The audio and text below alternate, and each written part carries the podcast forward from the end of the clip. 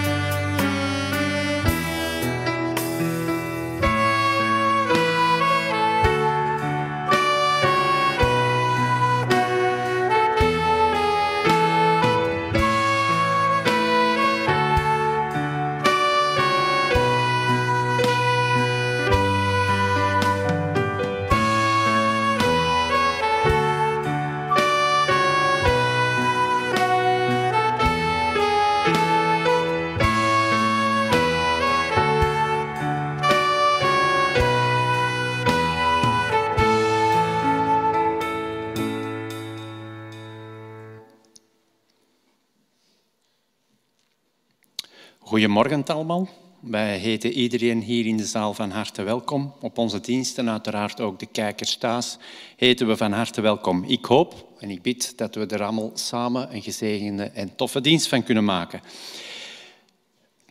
We willen uiteraard ook Gilbert Praat van harte welkom heten, die bereid is gevonden om helemaal vanuit het Gentse naar ons toe te komen om hier het woord van God te brengen. Welkom, Gilbert. Zie er al naar uit wat je ons te brengen hebt. Eerst een aantal kleine aankondigingen vooraleer dat we van start gaan, zoals elke week. Vanaf morgen start het krokuskamp, zowel voor de preverkenners als de verkenners. En wij wensen hun van hieruit uiteraard een hele fijne en toffe tijd toe met elkaar. En ook de leiding dat die er een aangenaam en tof kamp van mogen maken. We willen iedereen er ook nog eens aan doen herinneren over de aardbeving in Turkije en Syrië. We kunnen er haast niet naast kijken. Elke keer als je een tv opzet, heb je er wel beelden van. Maar ook voor die mensen daar is het uiteraard niet zo aangenaam. En ik wil jullie eraan doen herinneren dat ADRA daar nog altijd te plaatsen is. Daar ook goed werk levert. En ik denk dat we ook niet alleen in onze gebeden ADRA kunnen ondersteunen en die mensen, maar ook geldelijk eh, financieel dus ADRA ondersteunen. U kunt alle info altijd terugvinden op adra.be. Kunt u rekeningnummers vinden enzovoort en wat zij doen. Dus het is zeker een vast een aanrader om dat eens te controleren. In het krantje kan u het ook lezen. Op 25 maart heeft de vierde evangelisatiemiddag plaats. Eentje heeft er ook al plaatsgevonden hier in Antwerpen. Dat is Folderen voor ESDA. Dat is uh, Woord van Hoop is de nieuwe naam. Dat zijn kleine folders die we in de bus steken en dat mensen zich kunnen inschrijven op een bijbelcursus. En blijkbaar heeft dat toch redelijk veel succes, verhoudingsgewijs. Het is niet elke folder natuurlijk die succes heeft, maar algemeen uh, zijn er toch redelijk wat inschrijvingen na zo'n foldernamiddag. Dus het is zeker een vast uh, een aanrader om u ook daarvoor op te geven. Geef u op bij mij of bij een van de ouderlingen. En dan kunnen we zien hoe dat we juist kunnen samenrijden. Het is middags daar naartoe rijden. Om twee uur begint het daar. We krijgen er nog een kleine versnapering op de koop toe en rond vijf uur is het gedaan. Natuurlijk, met hoe meer we zijn, hoe meer folders we kunnen verdelen en hoe meer cursussen er uiteindelijk ook worden besteld.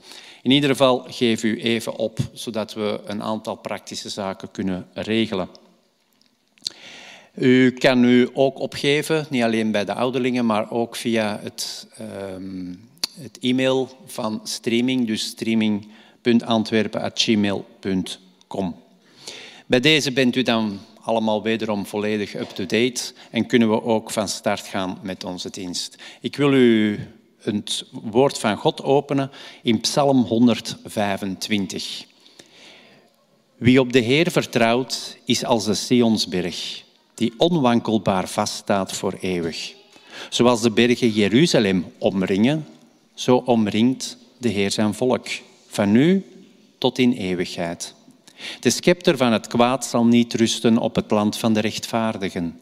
En de rechtvaardigen zullen het onrecht de hand niet reiken. Wees goed voor wie goed is, Heer, voor de oprechte van hart. Maar wie een dwaalweg gaat, Heer, verdrijf hem. En allen die onrecht doen, vrede over ons allen. Ik zou nu willen vragen om recht te staan, zodat we kunnen openen met het gebed. Onze Vader die in de hemel zijt, wij komen u deze morgen danken voor deze Sabbatdag die we weer van u mogen ontvangen. Een dag, Heer, om, om helemaal tot rust te komen. Een dag om even al de zorgen van je schouders af te werpen en ons te focussen op u, maar ook op elkaar, Heer. Wij willen ons daarbij bijstaan om elkaar op te beuren, om elkaar te ondersteunen en een luisterend oor te zijn voor elkaar. Heer, we zijn ook blij dat wij hier in alle vrijheid u mogen aanbieden en uw woord kunnen bestuderen. We zijn daarom ook blij, Heer, dat Gilbert hier vanmorgen in ons midden mag vertoeven.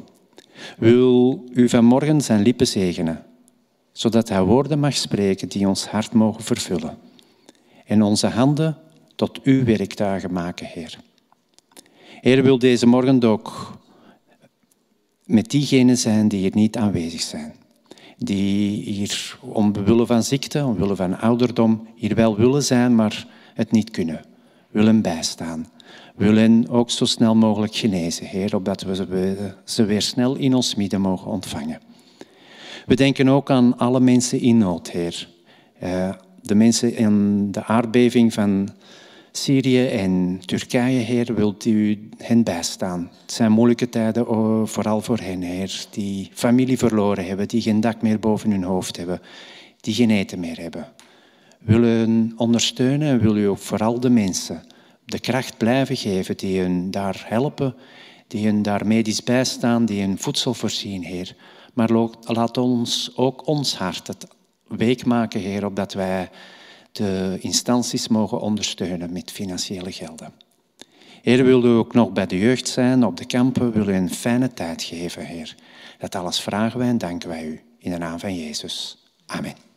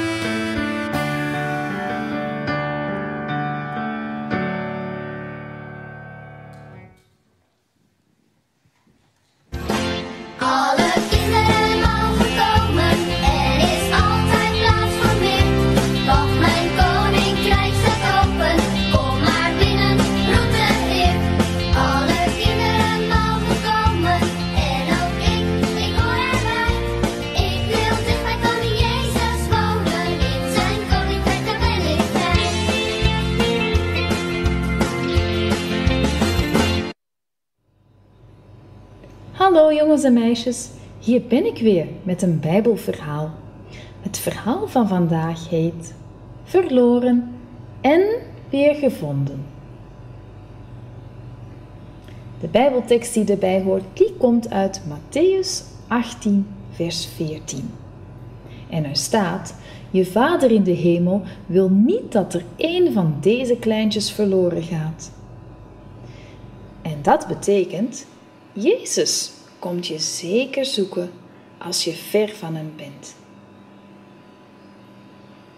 Carla ging met haar moeder naar de markt.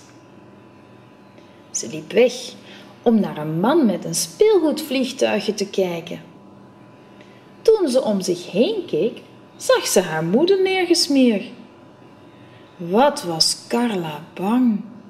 Ze was verdwaald en ze wist niet wat ze moest doen. Lang geleden was er een klein lammetje vermist. Luister en kijk maar goed mee. De schapen hadden afgebroken takjes in hun wol. En ze wandelden vermoeid over het pad. Voorzichtig leidde de herder zijn honderd schapen op de weg naar de schaapskooi. Hun hoeven maakten een schurend geluid op de rotsen en de lammetjes die blaten zachtjes. Die geluiden klonken als muziek in de oren van de herder.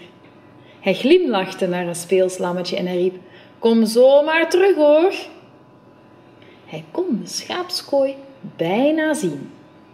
De herder had zijn schaapskooi heel veilig gemaakt. Hij had heel veel stenen op elkaar gestapeld en daarbovenop had hij aan de buitenkant van de stenen torenstruiken geplaatst. Eindelijk bereikten de herder en zijn schapen de poort van de schaapskooi.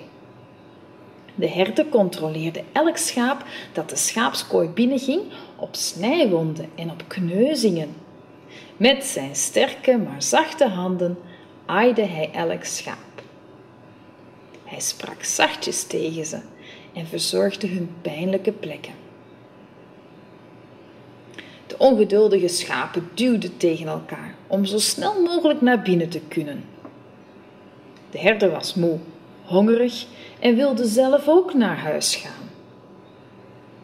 94, 95, 96. Hij telde en hij telde, want elke ochtend bracht de herder zijn schapen naar de wei en elke avond telde hij ze als ze weer thuis kwamen. 97, 98, 99. Hij bleef tellen.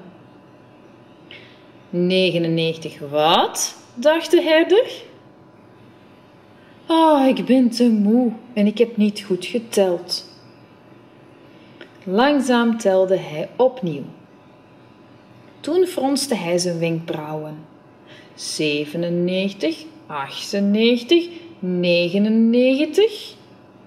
Met zijn ogen controleerde hij elke ooi, elk ram en elk lam.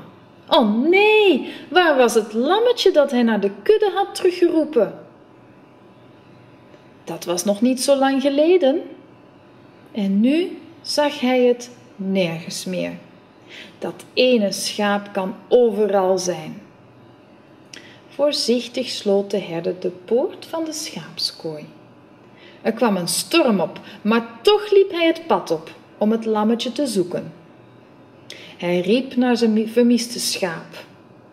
Ik moet goed luisteren, dacht hij. Met die harde wind zal ik het lammetje moeilijk kunnen horen, vooral als hij gewond is. De herder riep en was daarna weer stil om te kunnen luisteren. Hij riep opnieuw en opnieuw en voorzichtig liep de herder door het donker over het ruwe pad. Waar ben je, kleintje? dacht hij. De gietende regen zorgde ervoor dat de rotsen erg glad waren. De woeste wind huilde. Hoe kon het lammetje in zo'n korte tijd zo ver zijn afgedwaald? Hij probeerde opnieuw of hij iets kon horen en hij zweeg even. Ja, riep hij door de storm. Ja, ik heb je gevonden. daar was het, daar ginds tussen de rotsen. Het lam lag helemaal in de knoop, verstrikt in de doornen en het bloedde. Oké, oké, het komt wel goed hoor. De herder sprak vriendelijk en zachtjes tegen het bange lam.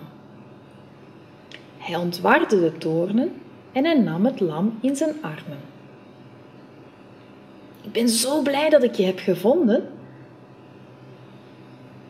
Laten we snel naar huis gaan. De stoere herder wandelde weer terug over het gladde pad. Maar deze keer glimlachte hij. Hij hield het geredde lam stevig vast. De herder rende de schaapskooi binnen en hij legde het schaap voorzichtig neer. Hij riep vol blijdschap: Ik heb mijn verloren schaap gevonden. Hij was zo blij dat hij al zijn vrienden het goede nieuws wilde vertellen. Als wij ver van Jezus afdwalen, dan komt Hij ons ook zoeken. Wij zijn Zijn schapen en Hij houdt heel veel van ons. Hij is erg blij wanneer al Zijn schapen weer veilig thuis zijn. Nu mogen allemaal recht staan. We gaan het lied Wat een Liefde samen zingen.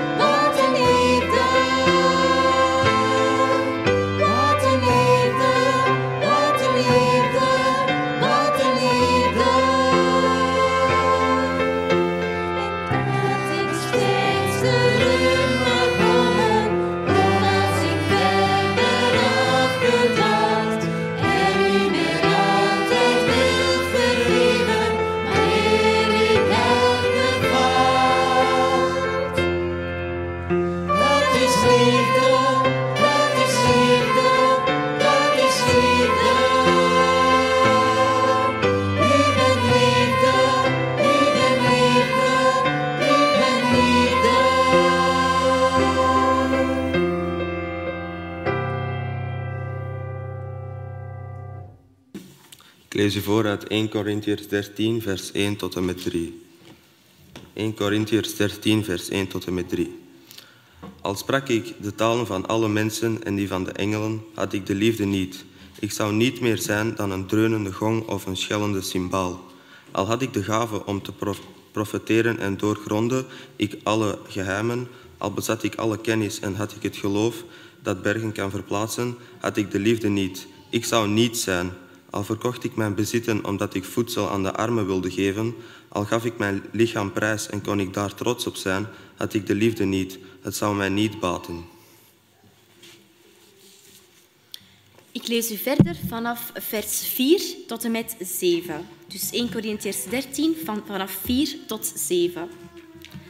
De liefde is geduldig en vol goedheid. De liefde kent geen afgunst, geen ijdel vertoon en geen zelfgenoegzaamheid. Ze is niet grof en niet zelfzuchtig. Ze laat zich niet boos maken en rekent het kwaad niet aan.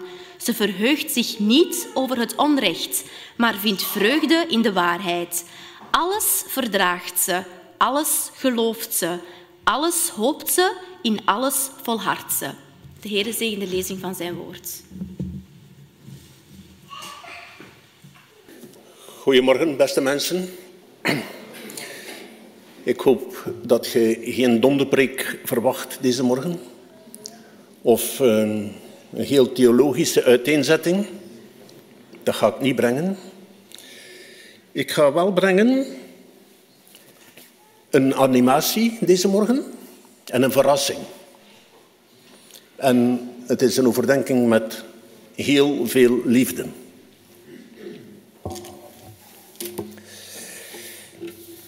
Heel veel mensen zullen zich deze week enorm geliefd gevoeld hebben door de aandacht die ze kregen. Een boeketje bloemen, een cadeautje, een gedichtje, ter gelegenheid van Valentijn, 14 februari.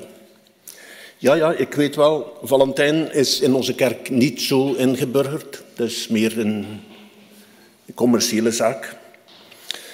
Maar we konden er toch niet van onderdoor, want onze aandacht werd er langs alle kanten doorgetrokken. Valentijn las hier en Valentijn las daar.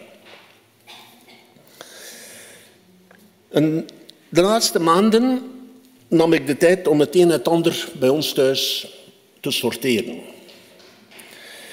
En ik vond een doos met herinneringen die mijn echtgenoten, mijn overleden echtgenoten trouwens, jarenlang had bijgehouden. En ik vond daar een gedichtje bij terug. En dat ik 55 jaar geleden geschreven voor haar. En uh, ik was toen nog geen sprake van Valentijn in onze contraien. Ik was amper 18 jaar. Maar ik had al duidelijk mijn hart verloren aan Dian. En het ging als volgt. Ik wil het met u delen, ja. Liefste Dian, ik hou van jou met heel mijn hart. Dat was al zo vooraf dat ik je voor het eerst zag. Mag ik van je houden, niet om je te hebben, maar om je lief te hebben. Ik heb geen auto of een brommer. Ik heb alleen maar mijn fiets. Ik heb geen geld of goud, maar wel een hart van hout, dat heel veel van je houdt. Dat was een van mijn liefdesverklaringen naar 55 jaar terug. Dian had dit gedichtje blijkbaar heel erg geapprecieerd, want het, ze heeft het zoveel jaren bijgehouden. Weet u, beste mensen, verliefdheid is de eerste slag die de liefde uitdeelt. Maar het is niet voldoende om het, het is voldoende om het hele proces van de liefde in gang te zetten, de verliefdheid. Zoveel jaren later weet ik dat verliefdheid nog niet de ware liefde is. Die komt pas later. Liefde is pas liefde als ze geworteld is, als ze een houvast gevonden heeft, vorm heeft gekregen in het bestaan en in de stormen van het leven. Als die liefde dan allemaal kan doorstaan, dan mogen we beginnen spreken van ware liefde. En als je dan nog steeds die liefde kunt opbrengen voor die persoon en dat kunt in stand houden, dan is het ware, echte liefde. Duurzame liefde. Liefde zonder glamour of glitter, gelijk dat het soms gepresenteerd wordt in de media, maar van persoon tot persoon. Ware liefde is om elkander geven, voor elkander zorgen, naar elkander luisteren. Elke dag, elke dag proberen opnieuw die verwachtingen in te vullen. Wat kan ik voor jou betekenen? Hoe kan ik een meerwaarde zijn in iemands leven?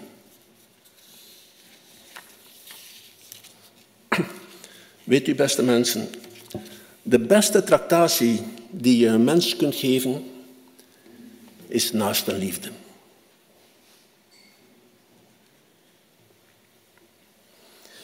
Ik heb deze morgen, ik heb gezegd, ik heb animatie mee.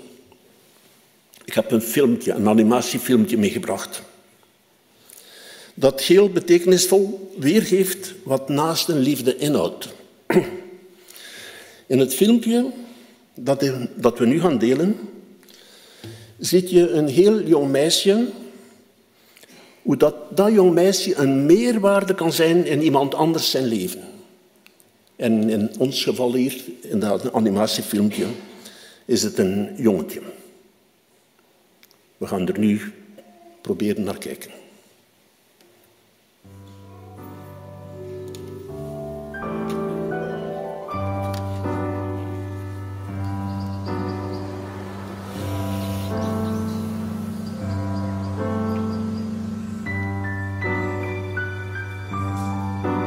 Aquí te lo dejo. Ya sé que no es el sitio más adecuado para él, pero mira, es que estamos saturados. En cuanto podamos, nos lo llevamos a un sitio más acorde con su situación. Aquí tienes los informes, las medicinas. Esta es la última valoración. Y en esta maleta están todas sus pertenencias. De acuerdo, firma aquí y ya está todo. María, ¿otra vez por los pasillos? ¿Quieres hacer el favor de salir al recreo con los demás niños?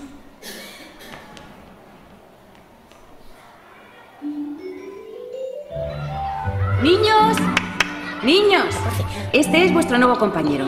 Como veis es un poco especial. Pero entre todos tenemos que conseguir que se sienta a gusto el tiempo que esté entre nosotros. ¿De acuerdo? Bueno, vamos a empezar con la clase. ¿Recordáis que ayer hablábamos de la importancia de las comas? Las comas pueden cambiar el sentido de una frase hasta convertirla en otra completamente diferente. Aquí por lo menos te dará el solecito un rato. Ahora vuelvo, ¿vale?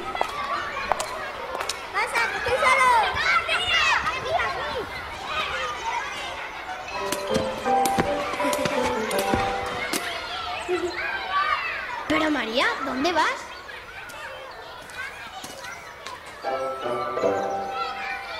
Hola, ¿cómo te llamas? Yo me llamo María. Bienvenida al cole. ¿No sabes andar? Ni hablar. ¿No sabes nada? ¿Qué te pasa? Eres un poco raro. Mira, es muy fácil. Si quieres mover una mano, haces así. Y la mueves. Y si quieres hablar, haces así. Hola. Y lo haces. María, ven a jugar con nosotras. Y si te pica un brazo, ¿cómo te rascas? Yo cuando me pica un brazo no me puedo aguantar.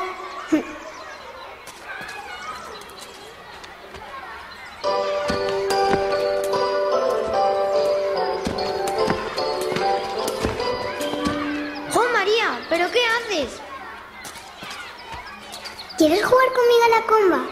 Mira, es muy divertido.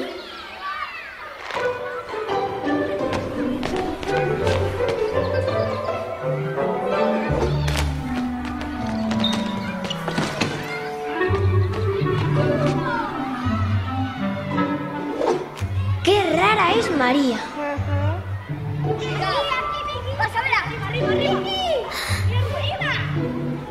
Ya sé lo que te pasa. A ti lo que te gusta es el fútbol. Máxima concentración. El delantero va a chutar. Es el máximo volador del campeonato.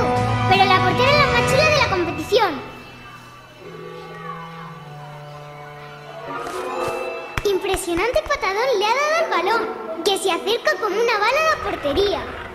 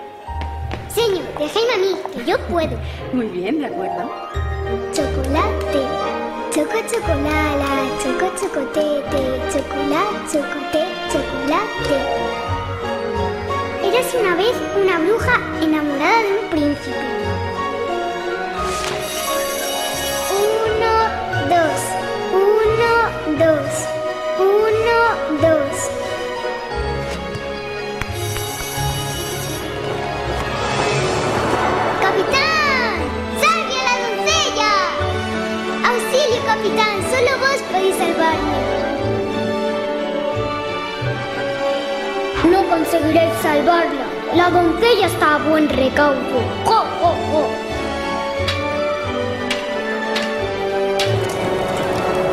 El príncipe y la brusa fueron felices por siempre jamás. Un, dos, tres, al escondite inglés y mover las manos los pies. Un, dos, tres, al escondite inglés y mover las manos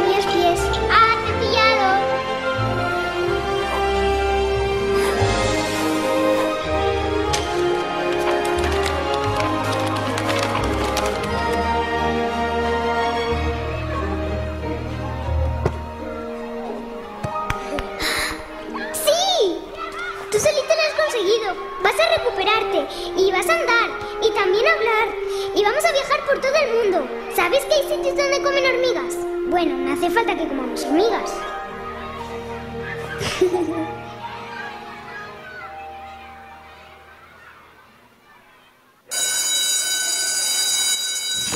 María, hoy no puedes salir al recreo. Mira, está muy cansadito. Si quieres, puedes quedarte aquí con él y le haces compañía. ¿Qué te pasa? ¿No te apetece jugar hoy? Mm,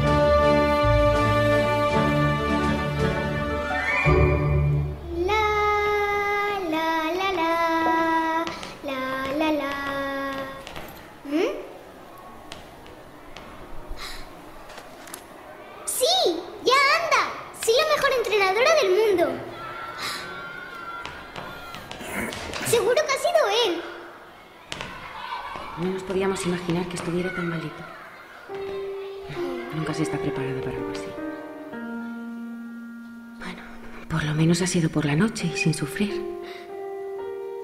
La verdad es que. Es que su cara era de alegría. No sé cómo se lo vamos a decir a los niños.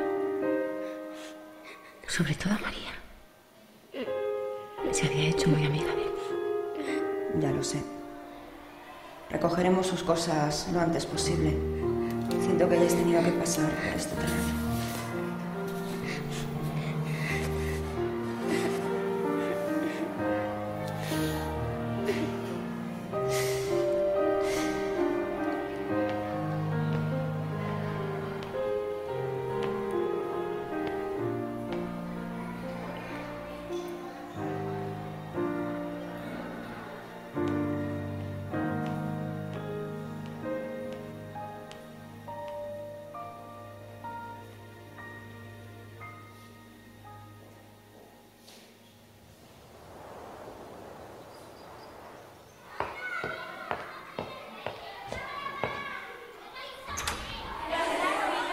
Buenos días, niños.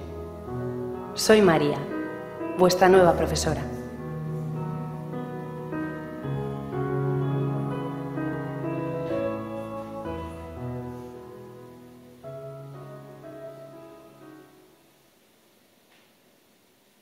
Ik hoop dat u ervan genoten hebt. We moeten niet wachten mee goed te doen, mee lief te hebben. We moeten het op het moment zelf doen. Als dat meisje nog wat langer had gewacht, dan kost ze geen naaste liefde geven.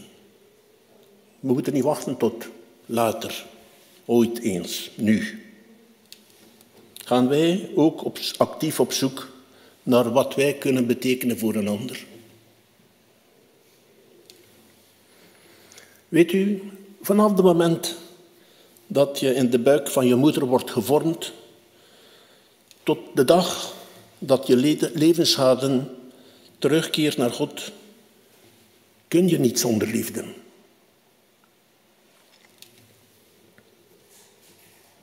Echte liefde is noodzakelijk om te kunnen leven.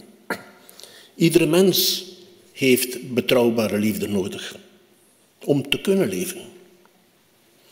En aan de basis van de liefde staat God zelf. Werkelijke liefde die komt van God. Hij, God, is de bron van het leven. God geeft die liefde die blijvend is. En weet u, er mogen heel erge dingen in uw leven gebeurd zijn.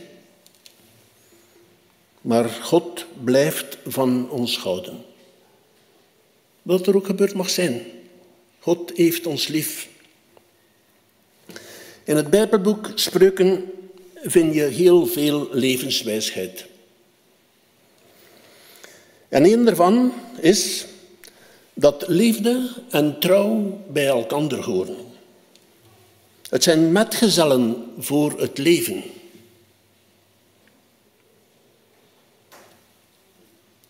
Liefde en trouw zijn als sieraden die je om kunt doen.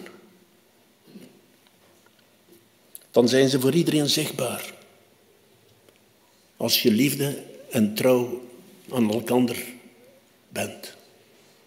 Dus zowel naar kinderen als naar ouders toe, of echtgenoot naar, naar zijn vrouw, of noem maar op. Ze laten indrukken achter. Het is net alsof je met een zakmes de eerste letters van je geliefde en van jezelf in een boom kerft die gaan er ook niet meer uit. Wat, wat doen ze? ze? gaan groeien. Ze zijn nog meer zichtbaar naar voor anderen toe. En zo is het ook met de liefde. Ze groeit, ze wordt zichtbaar. Liefde en trouw horen bij elkaar. Ik heb een vraagje naar jullie toe. Wat denken jullie over eigenliefde? Jezelf graag zien. Hoort dat er ook bij? Zelfzorg. Hoort dit wel bij een christen? In sommige christelijke kringen, en ik, ik, ik zeg het niet met mijn duim hoor, hoort met mijn eigen oren, vinden ze dit egoïsme. Je moet er eerst zijn voor de anderen en dan maar pas aan jezelf denken. Dat is niet oké volgens hen, eigenliefde.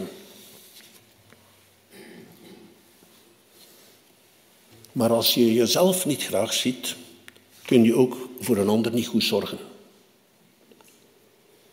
Als men te veel hooi op zijn vork heeft genomen, of als men te veel werk, eh, veel tijd aan, aan uw werk spendeert, dan gaat je eraan ten onder. Dan is het heel belangrijk dat je eerst voor jezelf gaat zorgen. Ik denk dat er al velen van jullie met een, vliegtuig hebben meegeweest. En de aerostess, als zij de uitleg geeft voordat je het vliegtuig opstijgt, dan krijg je een uitleg over het zuurstofmasker. En dan krijg je de raad dat het heel belangrijk is om eerst je eigen zuurstofmasker op te zetten als het nodig moest zijn.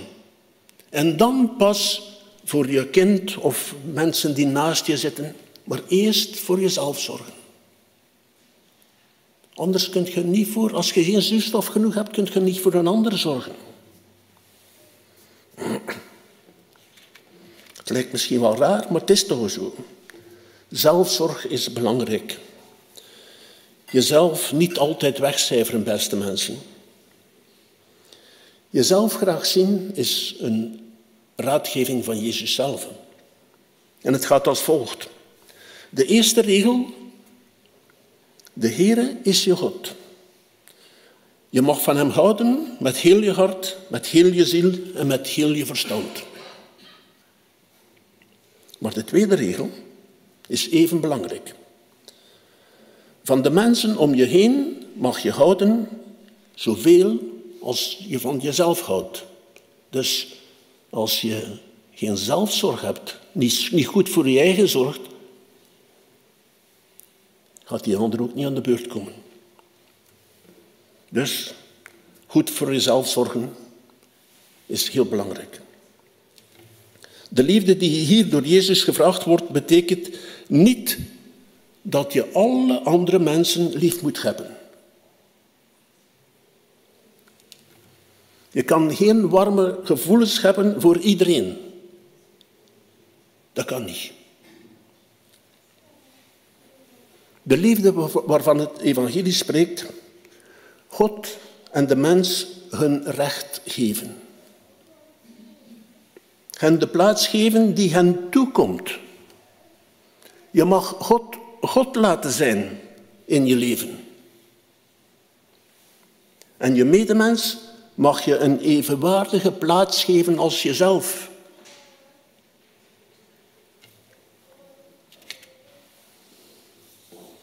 Wie voor God kiest, beste mensen, kan aan zijn medemens niet voorbij gaan. Het is deze morgen al meerdere keren te sprake gekomen. Turkije, Syrië, het oorlogsgebied,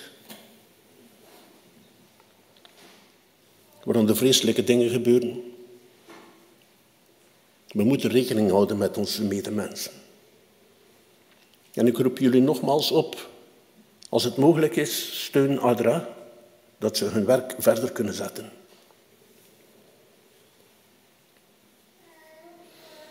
De liefde tot God en tot je naasten zijn als twee liftdeuren. Je kent wel van die liften.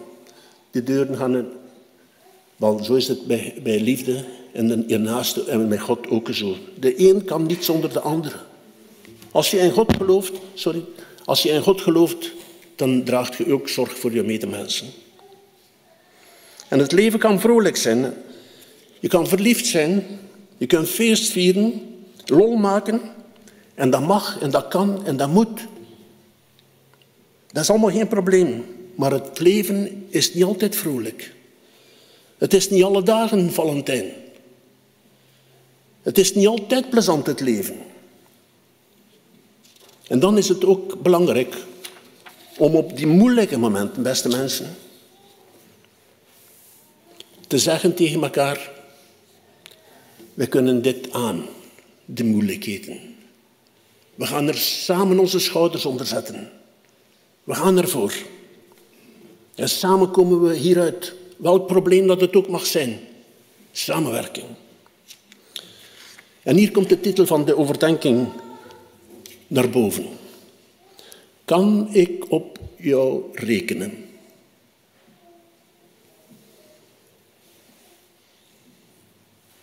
Op de momenten waar we elkaar meer dan nodig hebben. De mens heeft medemensen nodig om te kunnen bestaan. Het moet een hel zijn als er niemand is die naar jou kan luisteren. Het moet een hel zijn dat er niemand is waar je kunt tegen spreken.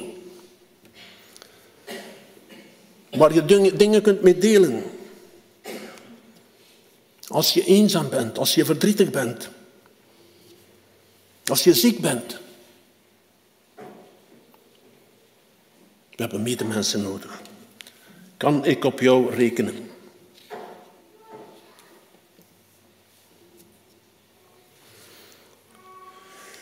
Kan ik op jou rekenen, Verena?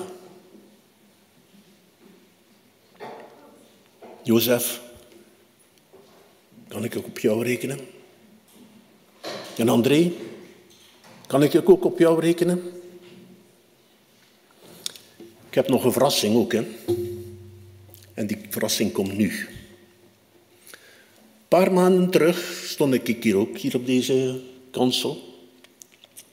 En toen zei, heb ik gezegd, normaal gezien zou ik hier niet moeten staan. Zo'n zo drie of vier jonge kerels moeten staan, of dames, die ook een preek brengen. Maar vanuit een perspectief, ik preek al 40 jaar, André heeft mij daartoe gepusht in de tijd André Luthers. Toen ik uh, 33 was, en ik sta hier nog altijd. Dus het is de tijd aan die jonge mensen.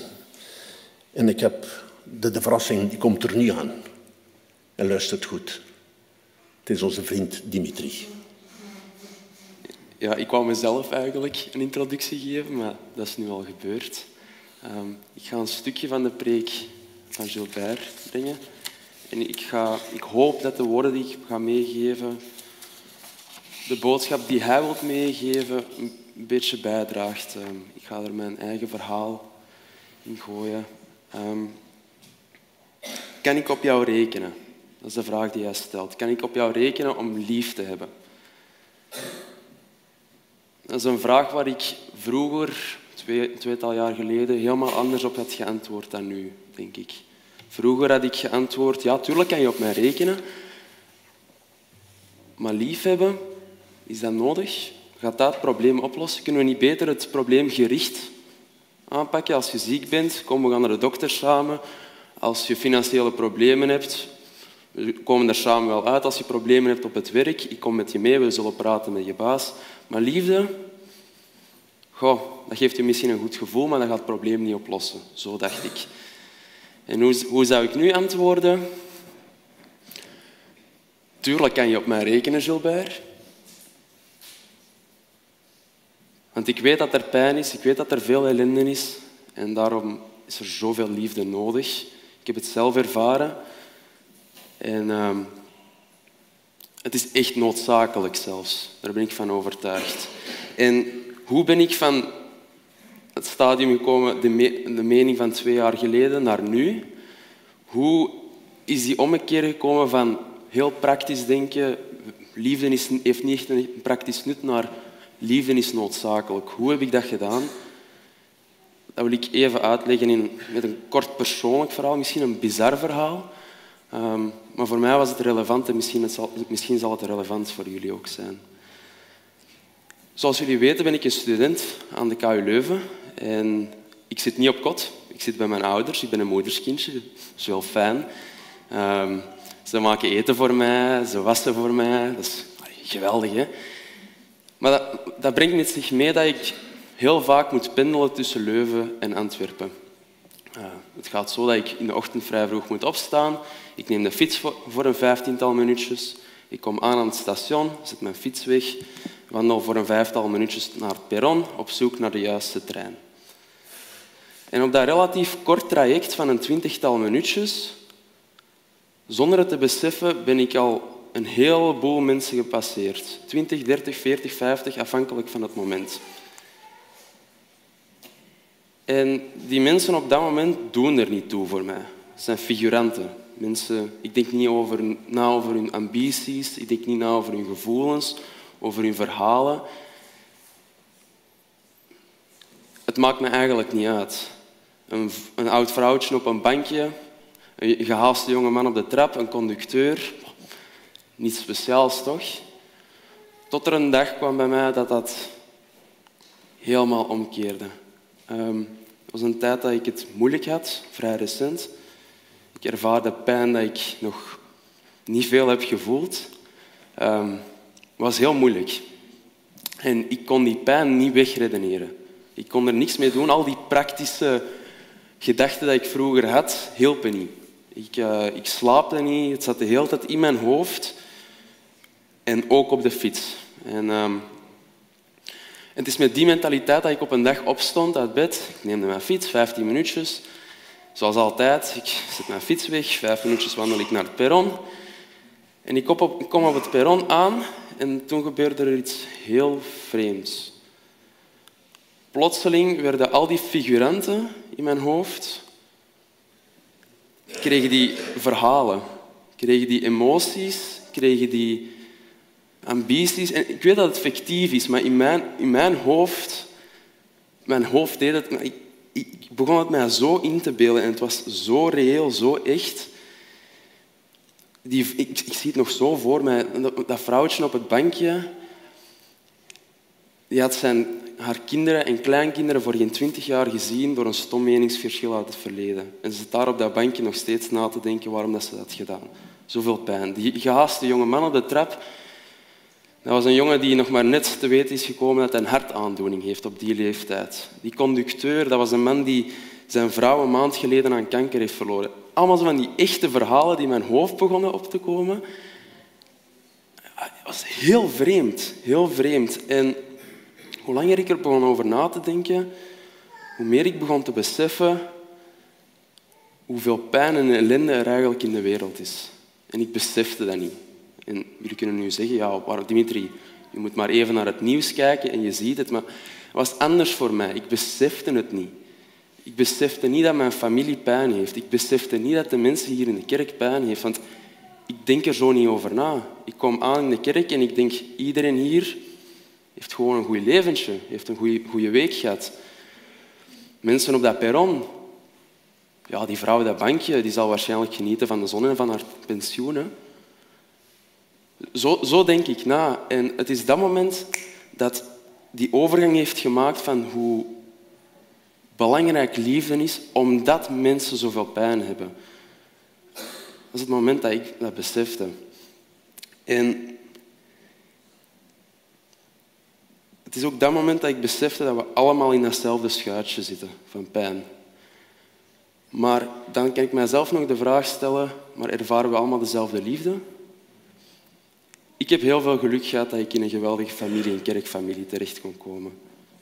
Ik, ik heb superveel geluk gehad dat ik mijn pijn met hen kon delen, dat ik kon praten, maar wat met die mensen op het perron? Ervaren zij liefde? Hebben zij iemand om mee te praten? Hebben zij iemand om te knuffelen? Al die vragen begonnen op te komen bij mij. Tot zelfs het moment dat ik begon na te denken over jullie. Hebben jullie mensen waarbij jullie terecht kunnen komen? En misschien is dat ons doel, misschien is dat waarom dat die preek zo belangrijk is. Ik moest, denk ik, beseffen, eerst beseffen hoeveel pijn het er is, alvorens het de liefde echt zijn nut had. Het is dat ik even wou delen met jullie. Kerkfamilie van Antwerpen, jullie mogen fier zijn. Echt waar, bedankt Dimitri. Doet ons nog, nog dieper nadenken naast een liefde. Het zit veel dieper dan dat we soms denken.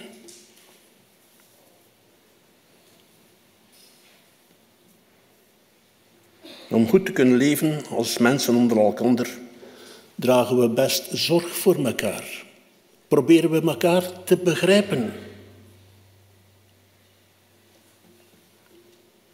Dat is de grote, de grote les die Jezus ons heeft voorgeleefd. Jezus bracht ons, ons, de mensheid, een volledige ommekeer teweeg.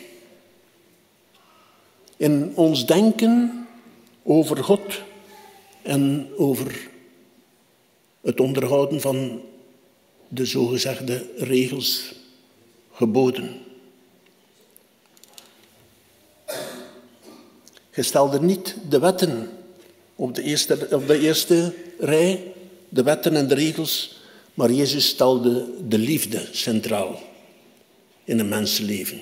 Dat is belangrijk.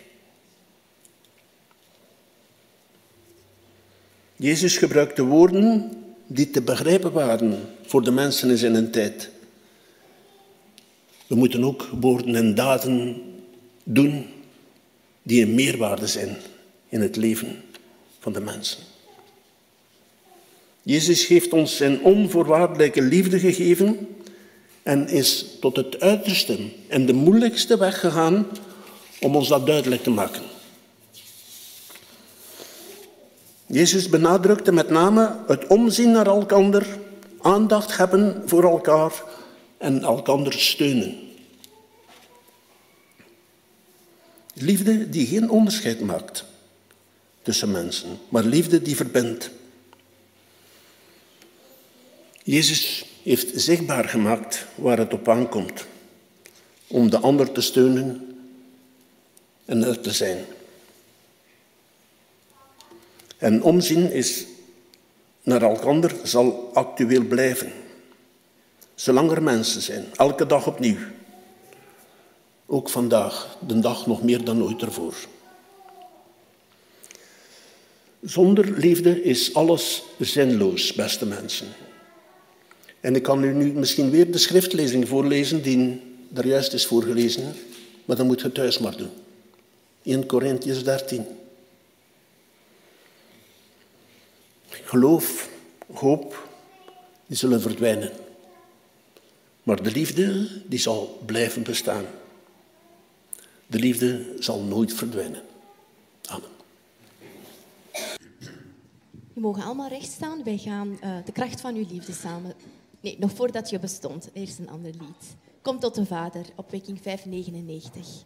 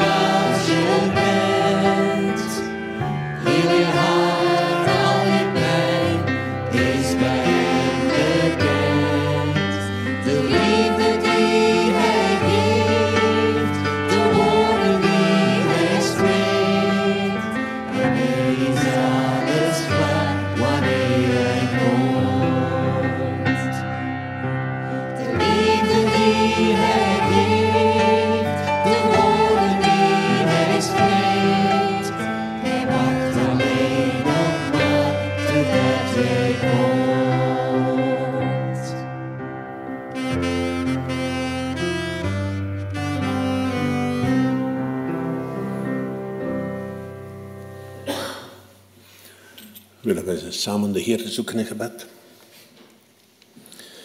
Bedankt, Heer, dat wij als mensen jouw betrouwbare liefde mogen ervaren.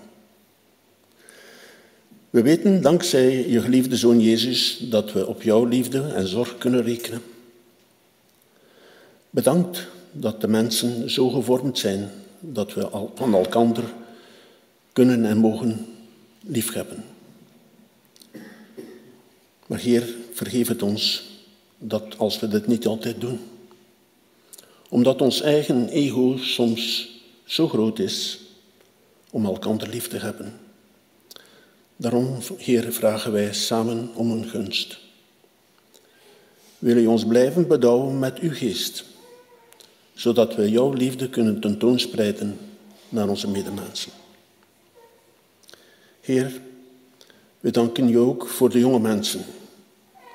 Ook dat zij ook jouw liefde mogen ervaren en door het leven mogen gaan met, samen met jou.